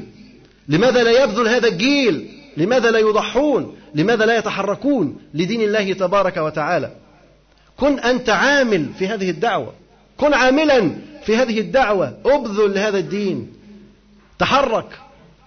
لابد أن تنقل هذه الرسالة. بلغوا عني ولو آية. بلغوا عني ولو آية. كل إنسان يمكن أن يبذل. لا يمكن أن تجد في وسطنا عاجز لا يستطيع أن يعمل لدين الله. لا يمكن. كل إنسان قادر على البذل قادر على العطاء قادر على التضحية لكنه ربما لا يعرف ماذا يفعل. لكن عندك قدرة أم لا؟ قطعا عندك قدرة. تستطيع أم لا؟ قطعا تستطيع. لكن ربما تكون الأهداف مشوشة. ربما تكون الرؤية غير واضحة. لكن أنت تقدر؟ نعم تقدر. تستطيع؟ نعم تستطيع. لكنك فتور كسل. بعد عن هذا الدين لماذا؟ كل إنسان يجب أن يعمل. هذا سعيد بن عامر رضي الله عنه بمجرد أن رحل إلى النبي صلى الله عليه وسلم. لزمه وشهد. انظر وشهد معه المشاهد. جميع الحروب. يجب على كل مسلم أن يحمل هم الإسلام. لابد أن تحمل هم هذا الدين وأن تبحث لك عن دور وسط أهل الحق والصلاح. مش واحد يروح يقعد مع الصوفية ويقول أنا لقيت لي دور. واحد يروح يجلس مع أصحاب العقائد الفاسدة والمنحرفة ويقول أنا لقيت لي دور. لا. لابد أن يكون لك دور. وسط أهل الخير والحق والصلاح. تعمل معهم يدك بيديهم تبذل معا تتعاون معا نعمل لدين الله عز وجل معا وفي الدنيا نعمل وفي الجنة نلتقي إن شاء الله. لابد من البذل لابد من العمل. يقول وشهد معه خيبر وقال النبي صلى الله عليه وسلم من اغبرت قدماه في سبيل الله حرمه الله على النار. من اغبرت قدماه في سبيل الله حرمه الله على النار شهد معه خيبر وما بعدها من الغزوات وما بعدها من الغزوات. تجد التزام مع القيادة بصفة مستمرة. مش يخرج مع الرسول عليه السلام غزوة وخلاص على كده؟ لا. معه دوما. هذا الرجل يتبع نبيه يتبع قيادته بصفة مستمرة. جميع التوجيهات جميع التعليمات جميع الأوامر جميع الأعمال هو يقوم فيها. يقوم فيها. لم نجد واحدا من هؤلاء شذ عن أمر النبي صلى الله عليه وسلم. ما وجدنا. لكننا نجد في عصرنا من يشذ. ولذلك نقول لابد إلى عودة إلى كتاب الله وسنة النبي صلى الله عليه وسلم ونتآلف ونتعاون على البر والتقوى. قال شهد معه خيبر وما بعدها من الغزوات. وهذا الرجل أصبح له هم. همه هي الآخرة. الآخرة هي همه. كيف أدرك هذا؟ كيف أدرك هذا؟ إن سعيد رضي الله عنه قد أدرك أن هذه الحياة له دور فيها وهو أن يبيع هذه الحياة.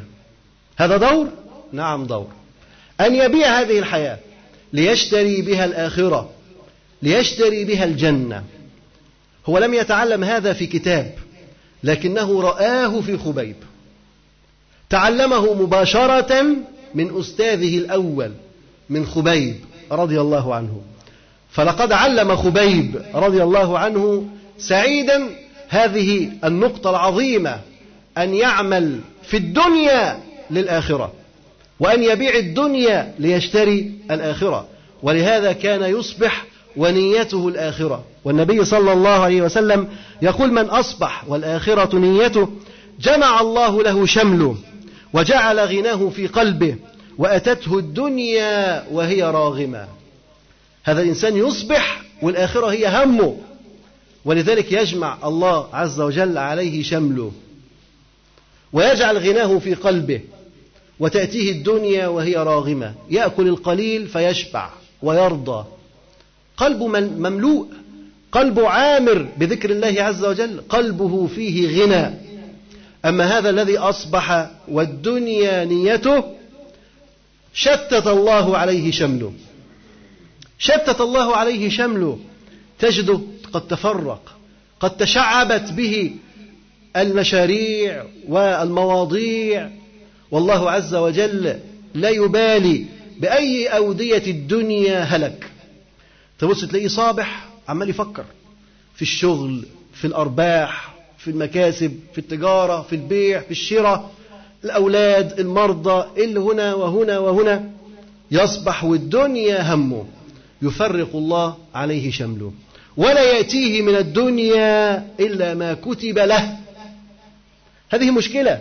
مهما بذل ومهما ذهب هنا وهنا وتشعب وتشتت لا يأتيه من الدنيا إلا ما كتب له ثم يهلك بأي أودية الدنيا.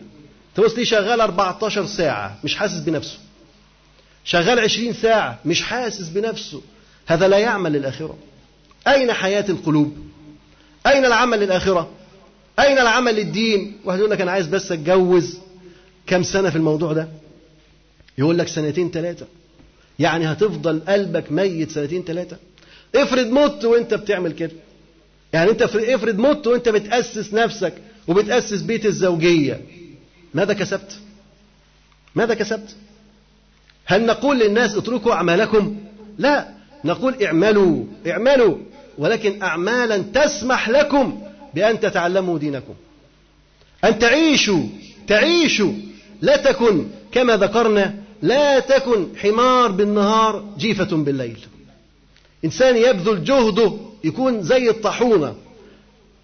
كالطاحونة بالنهار جهد مشقة يأتي بالليل مرهق متعب مجهد ينام على السرير فلا يستيقظ إلا الفجر. لو استيقظ. ده لو استيقظ. ماذا فعل في دنياه لآخرته؟ ماذا فعل؟ لم يفعل شيء. هذا لم يفعل شيء. كيف لو مات على هذا الحال؟ أين بذله لدين الله تبارك وتعالى؟ سعيد بن عامر رضي الله عنه كان من هؤلاء الذين باعوا الدنيا واشتروا الآخرة باعها حقا. كما رأى خبيب يبيع الدنيا أمام العالم. هو أيضا تربى على هذا المنهج. أن يبيع الدنيا أن يبيعها عرف أنها لا قيمة لها. وأن الآخرة خير وأبقى. ولهذا توجه إلى الآخرة وآثر الآخرة. ولما انتقل النبي صلى الله عليه وسلم إلى جوار ربه وهو راض عنه. منحة أن يرضى النبي صلى الله عليه وسلم عنك. تخيل أن الرسول عليه الصلاة والسلام يموت وهو راض عنك. كم تساوي عندك؟ دي خلاص دي أنت كده خلاص. أنت لا تحتاج شيء آخر. قد رضي النبي صلى الله عليه وسلم عنك. إذا أنت بإذن الله تبارك وتعالى من أهل الجنة. رضي النبي صلى الله عليه وسلم عنه. تظن لماذا؟ لأنه كان ينام لأنه كان يجلس ويلعب لأنه كان يلهو لأنه كان مشغول بتجارته لأنه كان رجل يفعل كذا وكذا أم لأنه كان مثالا للبذل في سبيل الله. مثالا للدعوة والتضحية في سبيل الله. هذا الرجل كان نموذجا أمام النبي صلى الله عليه وسلم ولذا فاز برضا الرسول صلى الله عليه وسلم. وظل من بعده سيفا مسلولا في أيدي خليفتيه أبي بكر وعمر. العمل للدين الولاء للدين وليس للأشخاص فقط. هذه نقطة مهمة. مات النبي صلى الله عليه وسلم. هل يجلس في الصحراء؟ هل ينقطع عن العمل؟ هل ينقطع عن الدعوة؟ لأن قائده قد تغيب. نقول لا.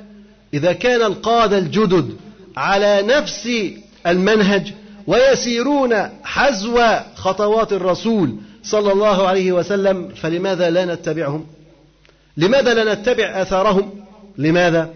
وكان سعيد رضي الله عنه سيفا من سيوف الله في يد الخليفتين أبي بكر وعمر لأن انتماءه كان لهذا الدين حبه كان لهذا الدين ولاؤه كان لهذا الدين. نعم كان يحب الرسول صلى الله عليه وسلم ولا يزال يحب الرسول صلى الله عليه وسلم حتى مات وهو يحب الرسول صلى الله عليه وسلم. لكن فراقه للنبي صلى الله عليه وسلم لم يمنعه من العمل مع أبي بكر أو مع عمر رضي الله عنهما.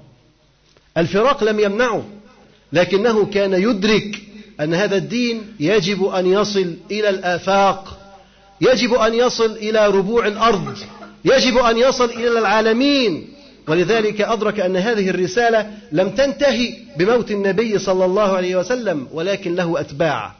يحملون هذا الدين ويحملون هذه الرسالة ويتحركون بها. ولذلك كان سيفا انظر سيفا رجل متواضع كان سيفا في يد الصديق ويد عمر رضي الله عنه. يفعلان به ما يشاء ما يشاءون. يفعلان به ما يشاءان. أبو بكر يستعمله يستعمل عمر يستعمله يستعمل. لا يعصي أمر لكنه مستقيم. لأنه يعمل لدين الله تبارك وتعالى. ظل سيفا مسلولا في أيدي خليفتيه أبي بكر وعمر وعاش مثلا فريدا فذا للمؤمن الذي اشترى الآخرة بالدنيا وآثر مرضاة الله وثوابه على سائر رغبات النفس وشهوات الجسد. نعم وكيف لا يبيع الدنيا وهو قد تخرج من هذه المدرسة؟ مدرسة خبيب رضي الله عنه المجاهد الصادق هو الذي يبذل لتحقيق مرضاة الله سبحانه وتعالى وتحتاج إلى مجاهدة. حتى يحقق الإنسان مرضاة ربه عز وجل تحتاج منه مجاهدة. فكم جاهد سعيد رضي الله عنه حتى يحصل مرضاة ربه سبحانه وتعالى؟ سعيد بن عامر رضي الله عنه آثر الآخرة. باع الدنيا باع الشهوات باع الرغبات باع أهواء النفس لأنه أدرك قول ربنا تبارك وتعالى فأما من طغى وآثر الحياة الدنيا فإن الجحيم هي المأوى. وأما من خاف مقام ربه ونهى النفس عن الهوى فإن الجنة هي المأوى. أدرك هذه الآيات العظيمة أدرك معانيها وعلم أن الأمر واضح. فأما من طغى وآثر الحياة الدنيا اللي بيشتري الدنيا ويبيع الآخرة ويطغى ويتجاوز فإن الجحيم هي المأوى. وأما من خاف مقام ربه أطاع الأمر نفذ الأمر أمر الرب سبحانه وتعالى فإن الجنة هي المأوى. أدرك هذه المعاني. كانوا يعيشون بالقرآن. كانوا يدركون تلك المعاني. ولذلك كانوا يعيشون بها. كانت نبراسا لهم ونورا وهداية يهتدون بها. آيات ربنا تبارك وتعالى. فاشترى الآخرة بالدنيا وآثر مرضات الله وثوابه على سائر رغبات النفس وشهوات الجسد. فلا بد أن تفنى هذه الشهوات. أي شهوات جسدية تفنى وتزول. وماذا بعد؟ وماذا بعد؟ يبقى الألم يبقى الألم ويبقى الحزن. الإنسان إذا انتهك حرمة من حرمات الله إذا أتى رغبة وشهوة في معاصي الله سبحانه وتعالى أتى هذه المعصية ماذا يحدث؟ تزول هذه الشهوة والرغبة ويبقى له الألم وتبقى له الحسرة وتبقى له الندامة. ولذلك كان لابد من تطهير القلب لابد من أن يتعلق هذا القلب بربه تبارك وتعالى ويملأ بحب الله عز وجل. كان رضي الله عنه رجلا ممن باعوا الدنيا واشتروا الآخرة وآثر مرضات الله عز وجل على سائر رغبات النفس وشهوات الجسد. وكان خليفة رسول الله صلى الله عليه وسلم يعرفان لسعيد ابن عامر صدقه وتقواه. ويستمعان إلى نصحه ويصخيان إلى قوله. الخليفتين أبو بكر وعمر. كانوا يعرفون قدر هذا الرجل. كانوا يعرفون قدره ومقامه. ولذلك كان يسمعان إلى نصحه بإصغاء واهتمام وعناية يسمعان إلى نصحه بل والصديق رضي الله عنه كان يمدح وكان يذكر آه، سعيد بن عامر فقال رحمك الله أرحم الراحمين يا سعيد. فإنك ما علمت من المتواضعين المتواصلين. أبو بكر الصديق رضي الله عنه بيمدح سعيد. يقول له أنا أعرفه عنك أنك من المتواضعين المتواصلين المخبتين المتهجدين بالأسحار. الذاكرين الله كثيرا. يمدح في سعيد رضي الله عنه. فقال سعيد يرحمك الله. نعم الله علي أفضل. نعم الله علي أفضل له الطول والمن.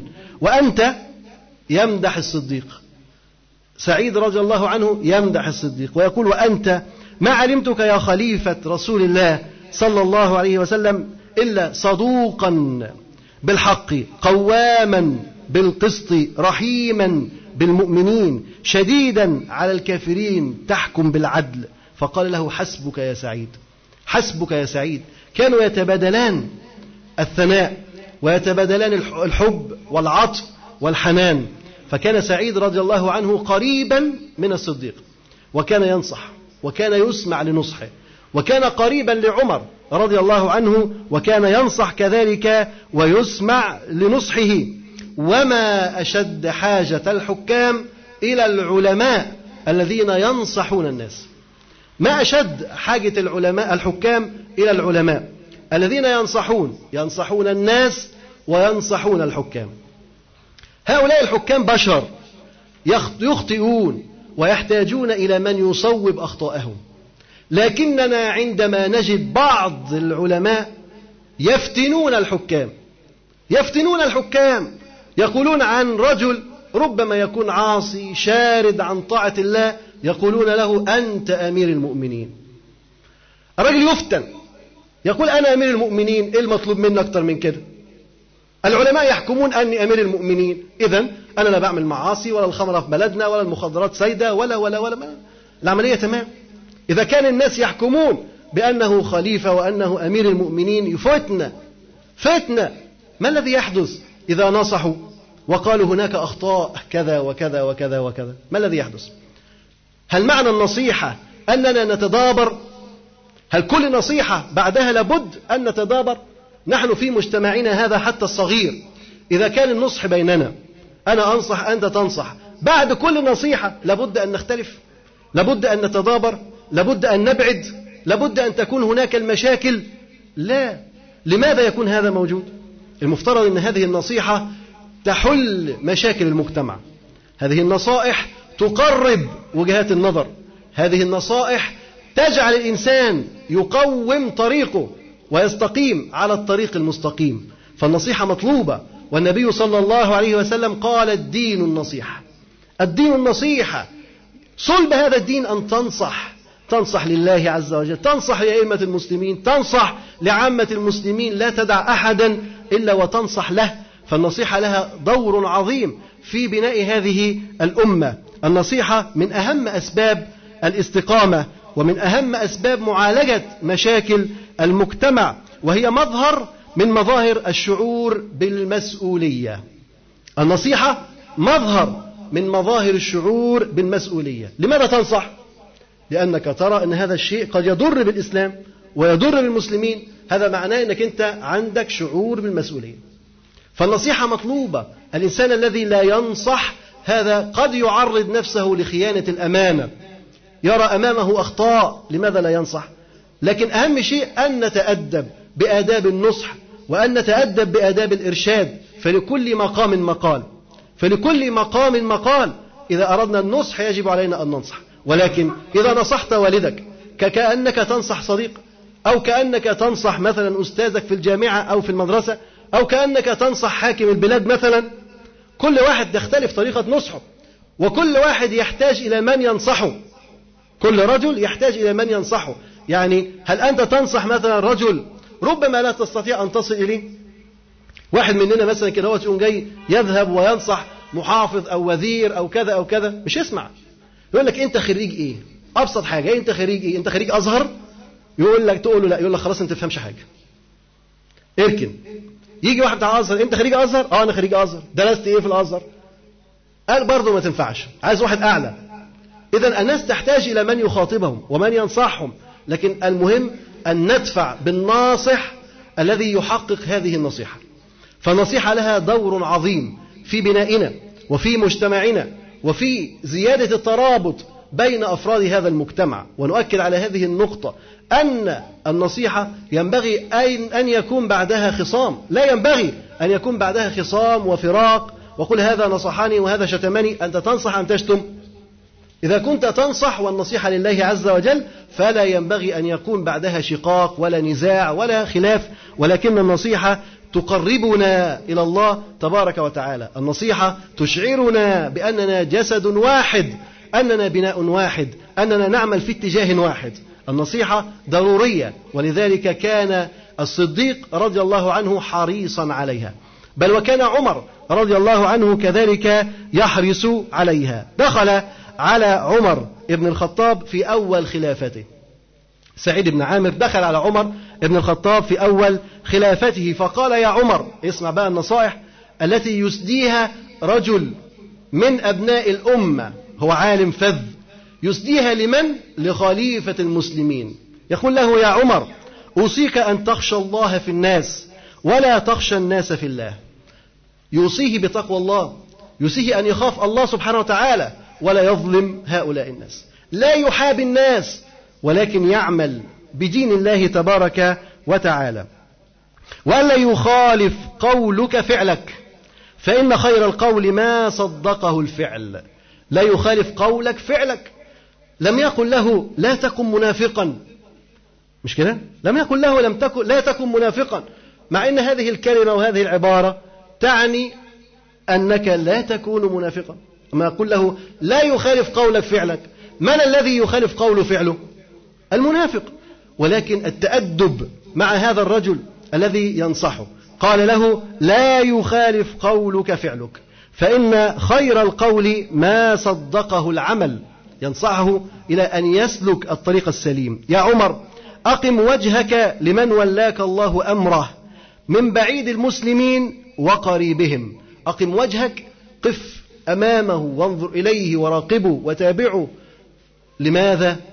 لماذا؟ انظر إلى أحواله عالجه. إذا كان فقير اعطيه إذا كان يحتاج ومسكين ويه لابد أن تنصر المظلوم وأن تأوي هذا الضعيف وأن تعطي هذا المحروم. ليكن الناس كلهم تحت ناظريك. الناس كلهم يكونوا تحت عينيك شايفهم مطلع عليهم. لماذا؟ لتعطيهم لتخفف الكرب عنهم. لتخفف الضغط عنهم لتهون عليهم أعباء الحياة لا لتزيد عليهم الأعباء. هناك من ينظر إلى المجتمع وينظر إلى الثغرات حتى ينظر كيف يكبل هذا المجتمع بالضرائب كيف يكبل هذا المجتمع بالجبايات كيف يأسر هذا المجتمع كيف يجعل هذا المجتمع يعيش في دوامة كيف؟ يرفع أسعار هنا وأسعار هنا وأسعار هنا الناس تبقى مشغولة بالأسعار. ما أعرفش إيه بقى بكام وايه بقى بكام وايه بقى بكام. الناس عايشة تتكلم في إيه النهارده؟ بيتكلموا في إيه؟ ربات البيوت تتكلم في السوق. يقولون الطماطم بكذا والبطاطس بكذا وكذا بكذا. طب إحنا ناكل بكام؟ هذه قصتهم. أليس كذلك؟ والرجال يتكلمون في الأموال. الشغل بكام والمرتب كام؟ وهيزيد لا مش هيزيد هينقص لا مش هيزيد هكذا. الناس أصبحت مشغولة بالدنيا. لماذا؟ لماذا يشغلون بالدنيا؟ يشغلون. يشغلون. لكننا لو أن لنا من ينظر إلينا ليرحم ضعفنا وعجزنا وقلة حاجتنا ويسد ثغراتنا ويسد فاقاتنا ما كان الأمر هكذا. عمر بن الخطاب رضي الله عنه يسمع هذه النصيحة. من من؟ من سعيد رضي الله عنه يقول له يا عمر أقم وجهك أقم وجهك أدم النظر إلى هؤلاء إلى المسلمين القريب والبعيد. أدم نظرك إليهم دايما تبعهم. الناس تحتاجك دوما أقم وجهك لمن ولاك الله أمره من بعيد المسلمين وقريبهم وأحب لهم ما تحب لنفسك وأهل بيتك. سعيد بن عامر ينصحه أن ينزل المسلمين كل المسلمين ينزلهم منزلة أهل. يعني عامل الناس زي ما بتعامل أهلك. يا إلهي تخيل كده لو أن حكامنا يعاملوننا كما يعاملون أبناءهم. كان كل واحد عنده كم مصنع دلوقتي وكل واحد عنده كم شركة دلوقتي وكان زماننا متنغنغين مش كده؟ وكان كل واحد مننا عنده أرصدة في البنوك وكانت راح تبقى كما يقولون عايمة. يا ليتنا نعامل كما يعامل الأبناء. والأقارب والأهل. سعيد بن عامر ينصحه أن يعامل المسلمين كما يعامل أهله. أهل بيته. كما يعامل أهل بيته. لا فرق. لا فرق بين هؤلاء المحكومين والحاكمين. لا فرق بينهم. وأحب لهم ما تحب لنفسك وأهل بيتك. واكره لهم ما تكره لنفسك وأهل بيتك. تخيل كده لو أن من يكره لنا من يكره لنفسه. تخيل كده. لو أن لنا من يكره لنا من يكره لنفسه. كان ممكن نبقى إحنا في البؤس اللي إحنا فيه ده؟ كان ممكن نجد هؤلاء الفقراء؟ كان ممكن نجد هؤلاء المساكين؟ كان ممكن نجد هؤلاء المشردين؟ كان ممكن نسمع بهذه العصابات التي تظهر كل يوم في كل مكان؟ كان ممكن نسمع بهذه الانحرافات الجنسية وغيرها في مجتمعنا؟ كان ممكن نرى؟ كان مستحيل. مستحيل. فقال وأحب لهم ما تحب لنفسك وأهل بيتك وأكره لهم ما تكره لنفسك ولأهل بيتك. يعني أنزل المسلمين كلهم منزلة أهلك.